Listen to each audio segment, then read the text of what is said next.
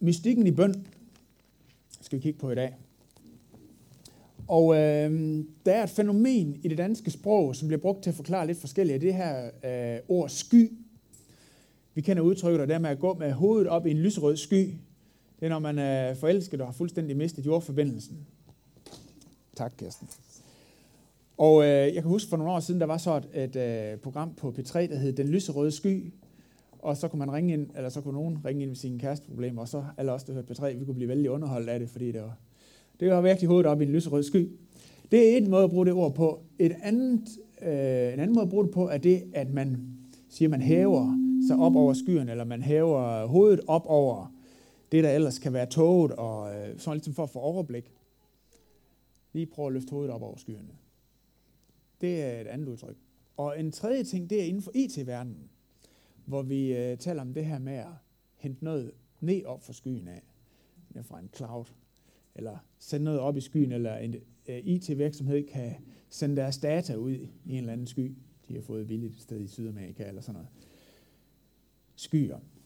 Mange forskellige måder, det bliver brugt på. I dagens prædiketekst, der støder vi på en sky også som er en helt, helt uden for kategori af det, vi ellers plejer at tænke omkring skyer. Men der sker noget i det møde med den her sky, som har overordentlig stor betydning for disciplenes og for Jesu dagligdag.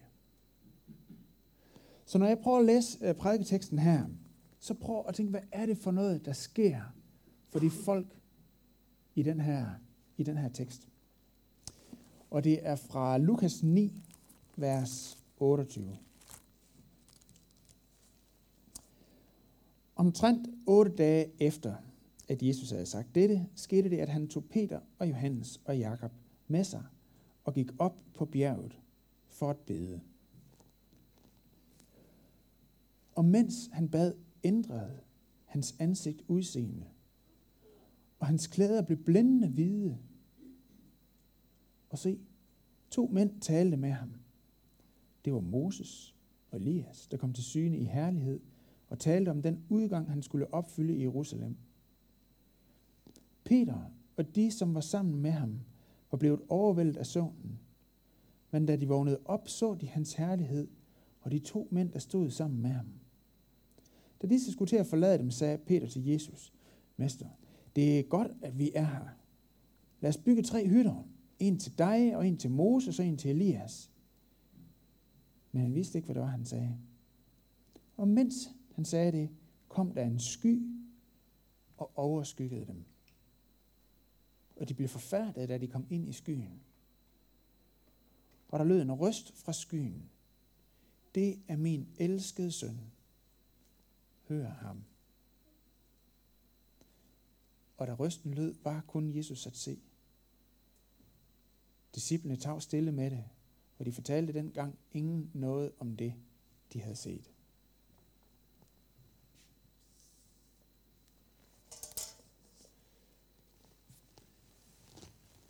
Er der nogen af jer, der ved, hvordan øh, Anne-Marie, som lige har lidt lovsang for os, hvordan hendes bønsliv ser ud? Uh, Bent, du må ikke svare. Altså, der er mange ting, vi ved om Anne-Maries liv, øh, om den måde, hun omsætter Guds rige på i det daglige. Ikke? Også, vi ved, at hun er mor til tre, vi ved, at hun er forfatter, vi ved, at hun leder lovsang og sådan nogle ting. Men hendes bønsliv, det, er lidt sådan, det, ligger, det ligger skjult, ikke? Det ved vi ikke så meget om. Jeg gør ikke i hvert fald. Med Jesus, der ved vi også en hel masse om det, han gjorde vi ved den måde, han omsatte Guds rige på i sin dagligdag. Vi har mange af hans taler, han holdt. Vi øh, har en masse øh, beretninger om, hvad han gjorde i forskellige situationer. Og sådan noget. Men hans bønsliv, det ved vi ikke så meget om. Vi ved, at han bad. Vi ved, at han gik ud hver morgen og bad. Vi ved, at han hver helligdag gik hen i synagogen. Og vi ved, at han satte særlige tider af i løbet af hans liv til særligt at sætte fokus på det her. Men hvad der sådan rent faktisk skete, det er for en stor del vedkommende skjult. Men i teksten til i dag, der giver Lukas os nogle helt utrolig interessante informationer om, hvad der skete i Jesu bøns liv. Og det, som ellers ville være skjult for os, får vi lov til at kigge ind i. Noget af den mystik, der udspiller sig der.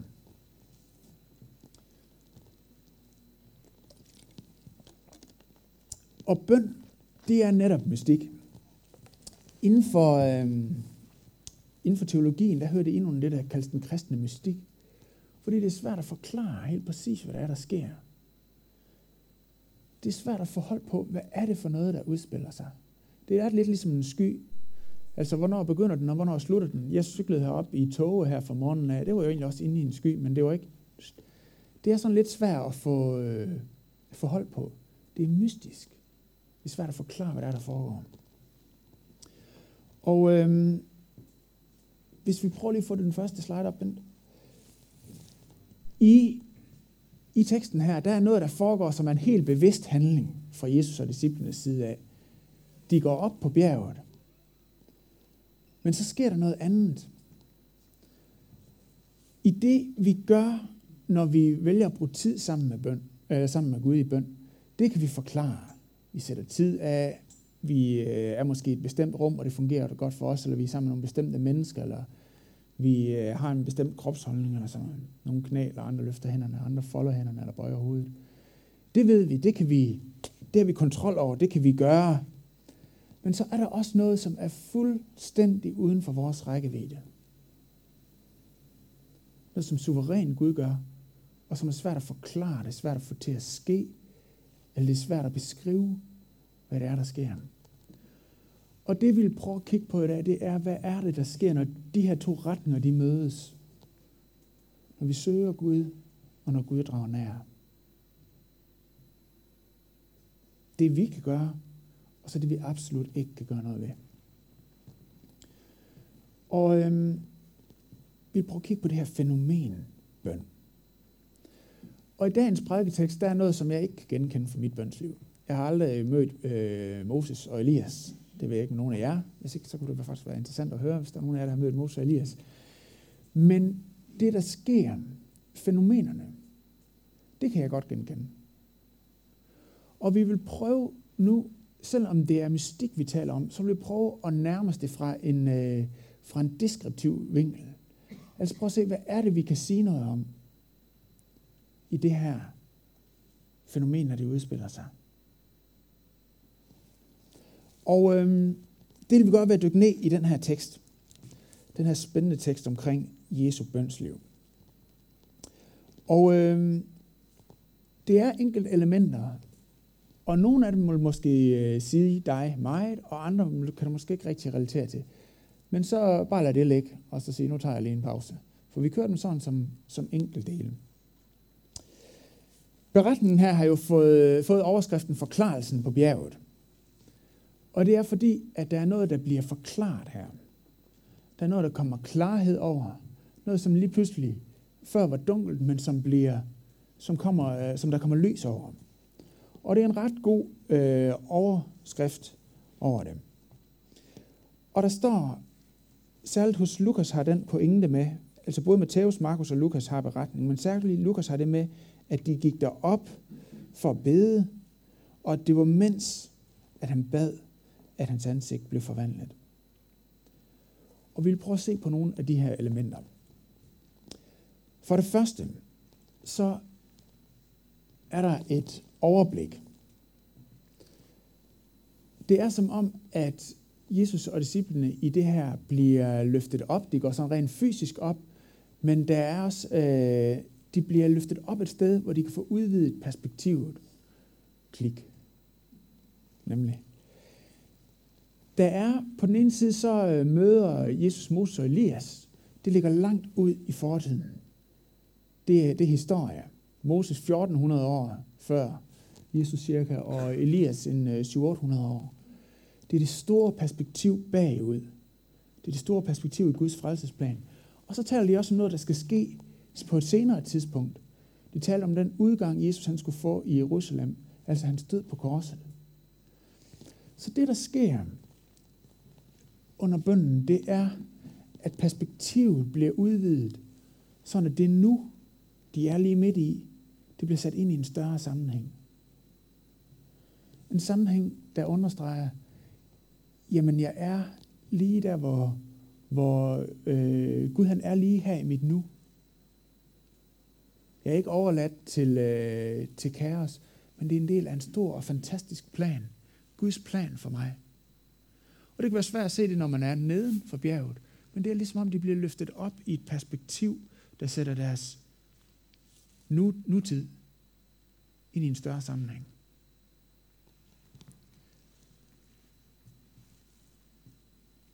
Det er en klarhed, som giver et overblik, som udspiller sig i bønden. Det giver en ro. Det er jo den første ting. For det andet, identitet. Identitet er sådan virkelig et øh, buzzword i vores tid. øh, fordi der er ikke så meget, der er givet på forhånd. Vores køn er ikke nødvendigvis givet, ikke hvis man er svensker i hvert fald. Og, øh, ah, og øh, hvad vi skal lave, og hvad for, en, øh, hvad for en status vi har i samfundet, og sådan noget, det var meget mere givet på forhånd for 200 år siden. Så det her spørgsmål, hvem er jeg egentlig, hvad er min identitet, er, et, øh, er blevet meget, meget mere omdiskuteret spørgsmål. Og jeg har faktisk begyndt at, øh, at bruge det mere i min opdragelse af vores børn. Og jeg vil prøve at give nogle eksempler på det. Fordi identitet går forud for handling. Det er ligesom min, øh, min pointe. Identitet går forud for handling. Det vi gør, afspejler dem vi er. Og når for eksempel øh, Benjamin har drillet sine søskende på, og sådan de tiret dem indtil de er flippet ud, og jeg har haft ham ude på badeværelset og snakket med ham, og han har set, det er ikke så godt det her, så øh, siger jeg til ham, ved du hvad Benjamin, jeg ser ham i øjnene, og så siger jeg til ham, ved du hvad Benjamin, du skal huske, du er ikke en storbror, der driller dine små søskende, indtil de, øh, indtil de flipper ud. Du er en storbror, som hjælper dine små søskende til at gøre det godt som ønsker, at de skal have det godt. Og det kom bag på mig, den effekt, det har på ham. Altså, det er, man kan godt være lidt slukøret, når man lige har fået en øh, skideball, ikke? Med hans far. Men når jeg så begynder at tale til ham på den måde, om hvad han er, så løfter han hovedet, og så får han lys i øjnene igen. Nå ja, det er det, jeg er. Og så retter han ligesom ryggen. Fordi hans identitet hans identitet blev knyttet op på en større vision, end lige det, der ikke lige lykkes for ham. Identitet går forud for handling. Et andet eksempel er her fra, øhm, jeg kan ikke huske, det var sidste eller forrige fredag. Øh, vores tre børn går til svømning fredag eftermiddag ude i Wamdrup. Og øh, min datter, Hanna, hun er vandskræk. Og øh, det er en stor udfordring for hende at gå til svømning så. Og øh, og hun har virkelig, virkelig kæmpet med det her, og gået ind i det her med at svømme. Og, øh, og virkelig, virkelig, øh, jeg synes virkelig, hun har handlet mode. Hun har lært at springe i vandet og sådan nogle ting, som for drengene bare er piece of cake. Men hun har virkelig, virkelig taget, set sin frygt i øjnene. Og så havde de svømmeprøver, og de skulle svømme hvor langt, altså så langt de kunne på en time. Og hun havde simpelthen sådan håbet på, at hun kunne svømme 1000 meter, og så svømmede hun kun 600 meter. Og hun var helt knust, da hun kom hjem. Hun sagde, jeg vil aldrig, aldrig mere ud at svømme. Og hun lå bare inde på sin seng og øh, var helt øh, knust over det her. Og så gik jeg ind til hende og snakkede med hende. Og, øh, og så sagde jeg til hende, Hanna, ved du hvad? Jeg er så stolt af dig. Fordi jeg har set det, der er sket det sidste halve år. Det er, at du har set din frygt i øjnene. Og du har virkelig gået ind i det og arbejdet med det. Og jeg synes, det er så flot, du har svømmet 600 meter. Og så sagde jeg til hende, hvad, jeg er faktisk fuldstændig ligeglad med, om du har svømmet 600 eller 1000 meter. For det, at du formår at se din frygt i øjnene, og ikke lade det styre dig, det kommer du til at få brug for resten af dit liv, når du bliver teenager, når du bliver voksen. Og det er så flot. Det er så flot. Og det var en helt, helt anden historie, end den, hun lige var i gang med at fortælle hende selv. Den handlede om hendes sin identitet, i stedet for om det, hun hun lige havde gjort, som hun ikke var helt vildt tilfreds med. Og så kom hun ud og kunne godt spise aftensmad og få en god fredag aften med Disney Show. Og det var godt nok. Vi har brug for at høre, hvem vi er. Og vi har brug for at høre det fra en, der er over os. Det er i hvert fald, nu er jeg ikke psykolog og sådan noget, men det er en del af min øh, teori omkring øh, vores liv. Vi har brug for at høre, hvem vi er, vi har brug for at høre det fra en, der er over os. Og det havde Jesus også. Klik. Jesus havde også brug for at høre det. Så tænkte man skulle tænke, jamen han vidste jo der en hel masse, og han havde da en øh, rimelig god øh, forbindelse med Gud og sådan nogle ting. Ja, det havde han. Og han havde brug for at høre, hvem han var fra Gud af. Under bønden, så hørte Jesus, du er min udvalgte søn. Eller, eller stemmen sagde, det er min udvalgte søn. Hos Matthæus og Markus, der får vi at vide, at stemmen sagde, det er min elskede søn. Jesus har brug for at vide, du er udvalgt, du er elsket. Og så stemmen også, hør ham. Og øh, jeg tror, det også har været med til at stive Jesus af i forhold til den opgave, han havde. At faderen havde sagt til øh, dem, der var der, at de skulle høre på Jesus. Og jeg tror, det har givet Jesus frimodighed til os at blive ved med at stå i øh, det, han stod i. Fordi faderen havde talt den her identitet ned over ham. Så overblik, identitet og så retning. Yes. For disciplene, der var den her, øh, den her bønnesituation også retningsgivende. Ikke på den måde, at de øh, oplevede, bum, de gik ind og bad, og så skete noget mystisk, og der var lige pludselig en stor masterplan, der stod skrevet i dyrene, og så skulle de bare køre efter det.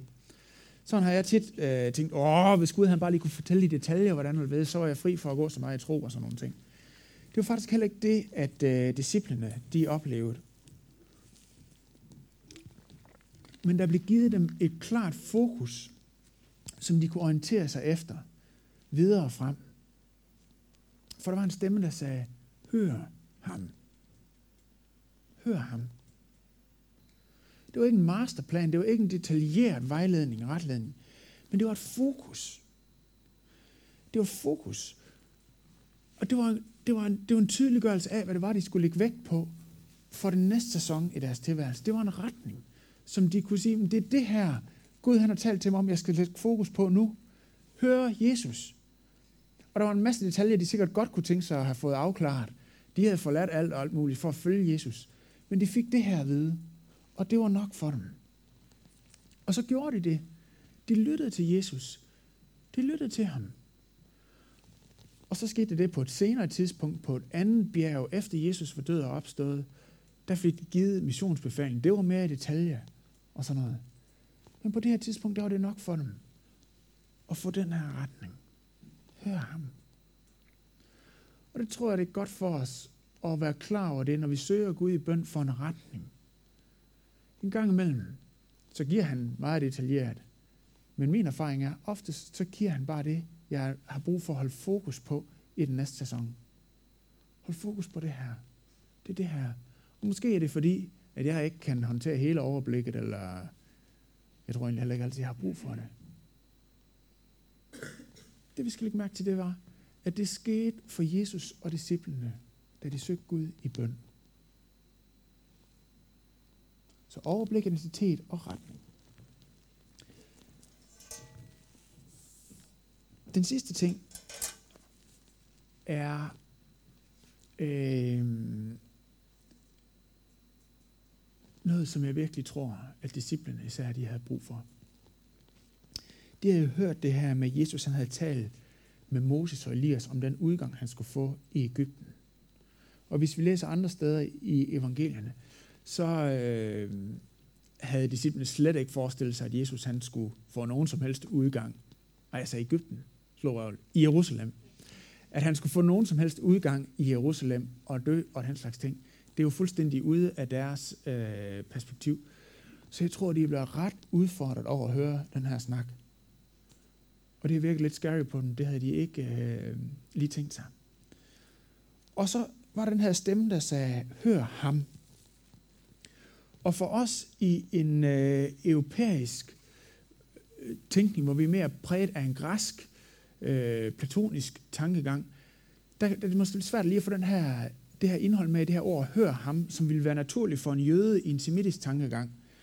Fordi for en, øh, for en jøde, der hører det med at høre, ikke kun noget med at så høre og forstå, men det hører naturligt sammen med det høre og handle. Når man hører noget, så handler man på det. Så teori og handling hænger meget mere sammen. Øhm, så når disciplen de har hørt det her med hør ham, så ligger der samtidig også et, et kald for Gud til at, til at rykke på det. Til at følge efter. Og de har lige hørt om det her med øh, den udgang, som Jesus han skulle få i Ægypten. Så jeg tror, de har været rigtig, rigtig udfordret. Og øh, Peter, som ellers var en øh, modig fyr, han responderer med et øh, forslag, og så siger han til Jesus, Jesus, det er godt, vi er her. Lad os blive her, Jesus. Det er en god idé, Jesus. Lad os bare blive her. Vi har det godt her, Jesus. Lad os glemme det der, som vi lige har snakket om. Lad os opretholde status quo og glemme missionen og det der. Og så bliver vi her, Jesus. Så bygger jeg tre hytter. Og det der egentlig står, at øh, det græske ord, det er telte. Men de havde ikke sådan, altså det er sådan nogle hytter, de lige bygger hurtigt. Jeg kan lige hurtigt bygge tre hytter af de her grene og det, der ellers er. Og så bliver vi her, Jesus. Var det ikke en god idé? Kan vi ikke opretholde status quo, Jesus?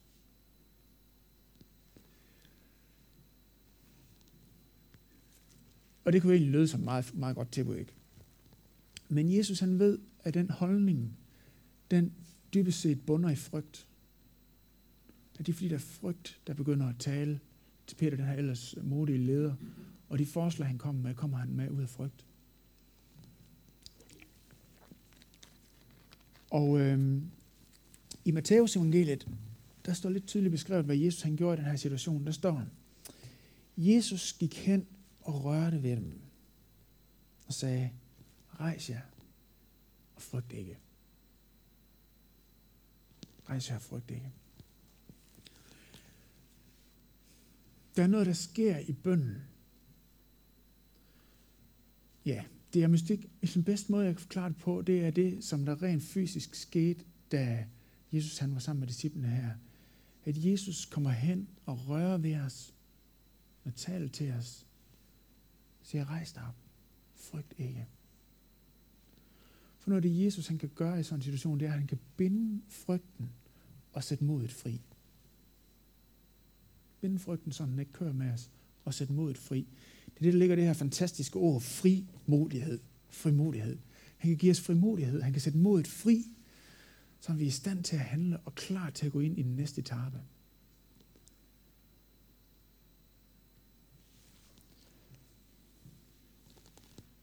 Klik. Nemlig.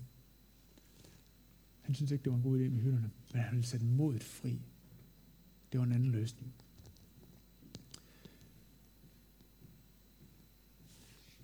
Så de ting, vi ser, der sker i, i bøn, Jesu bønsliv her, det er overblik, identitet, retning og mod. Jeg synes bare, det er interessant at se, for hvad er det tiltalende ting? Hvad er det fantastiske ting? Og det skete i bønden.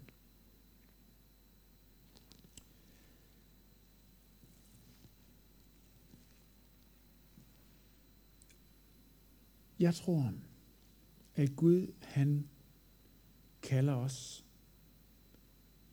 som menighed til det næste års tid og søg hans nærvær i bøn.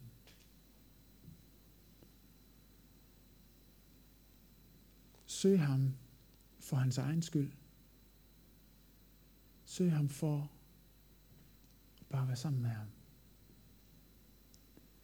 Søg ham for at glæde ham, for at ære ham, for at være i den her forklarelse hos ham. Og øhm,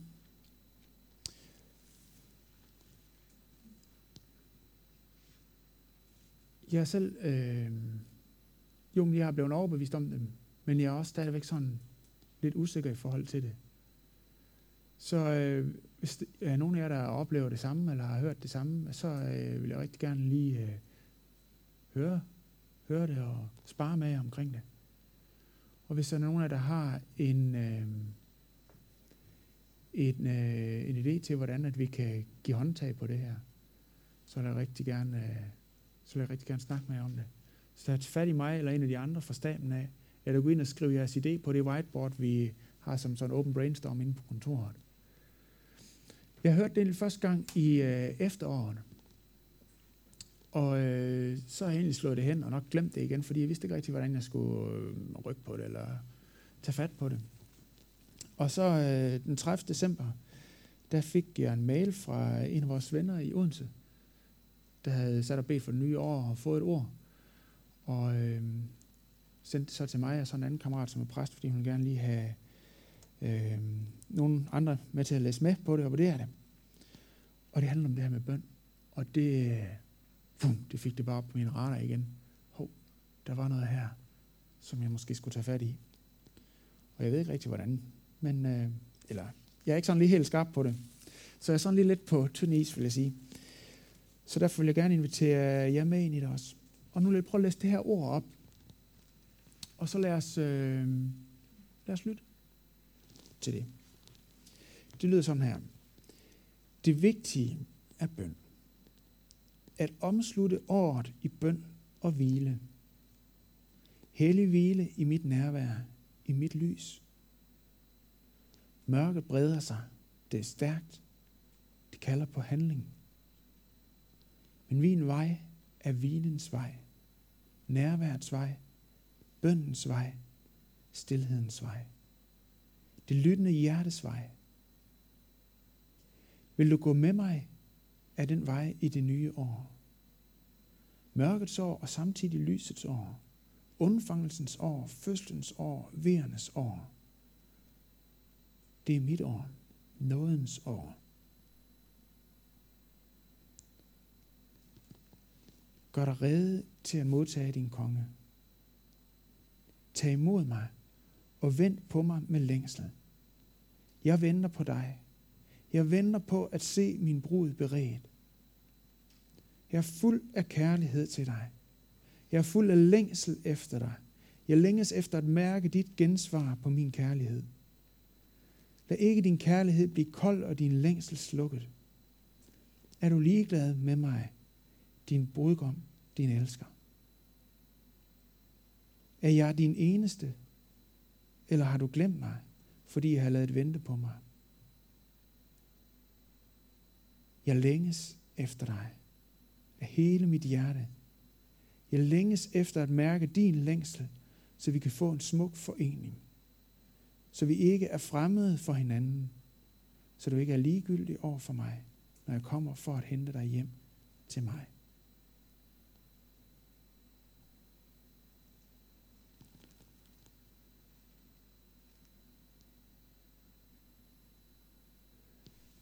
Jeg tænker, øhm, at det behøves vi ikke kun at høre om, eller forholde os til, men vi kan også starte på det i dag.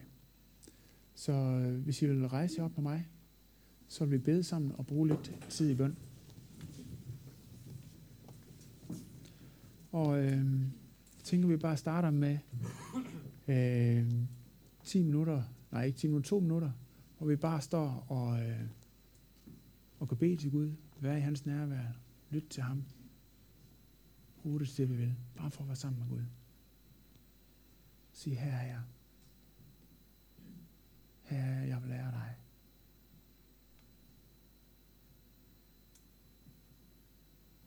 Far, vi er her for dig. Vi er her nu for dig.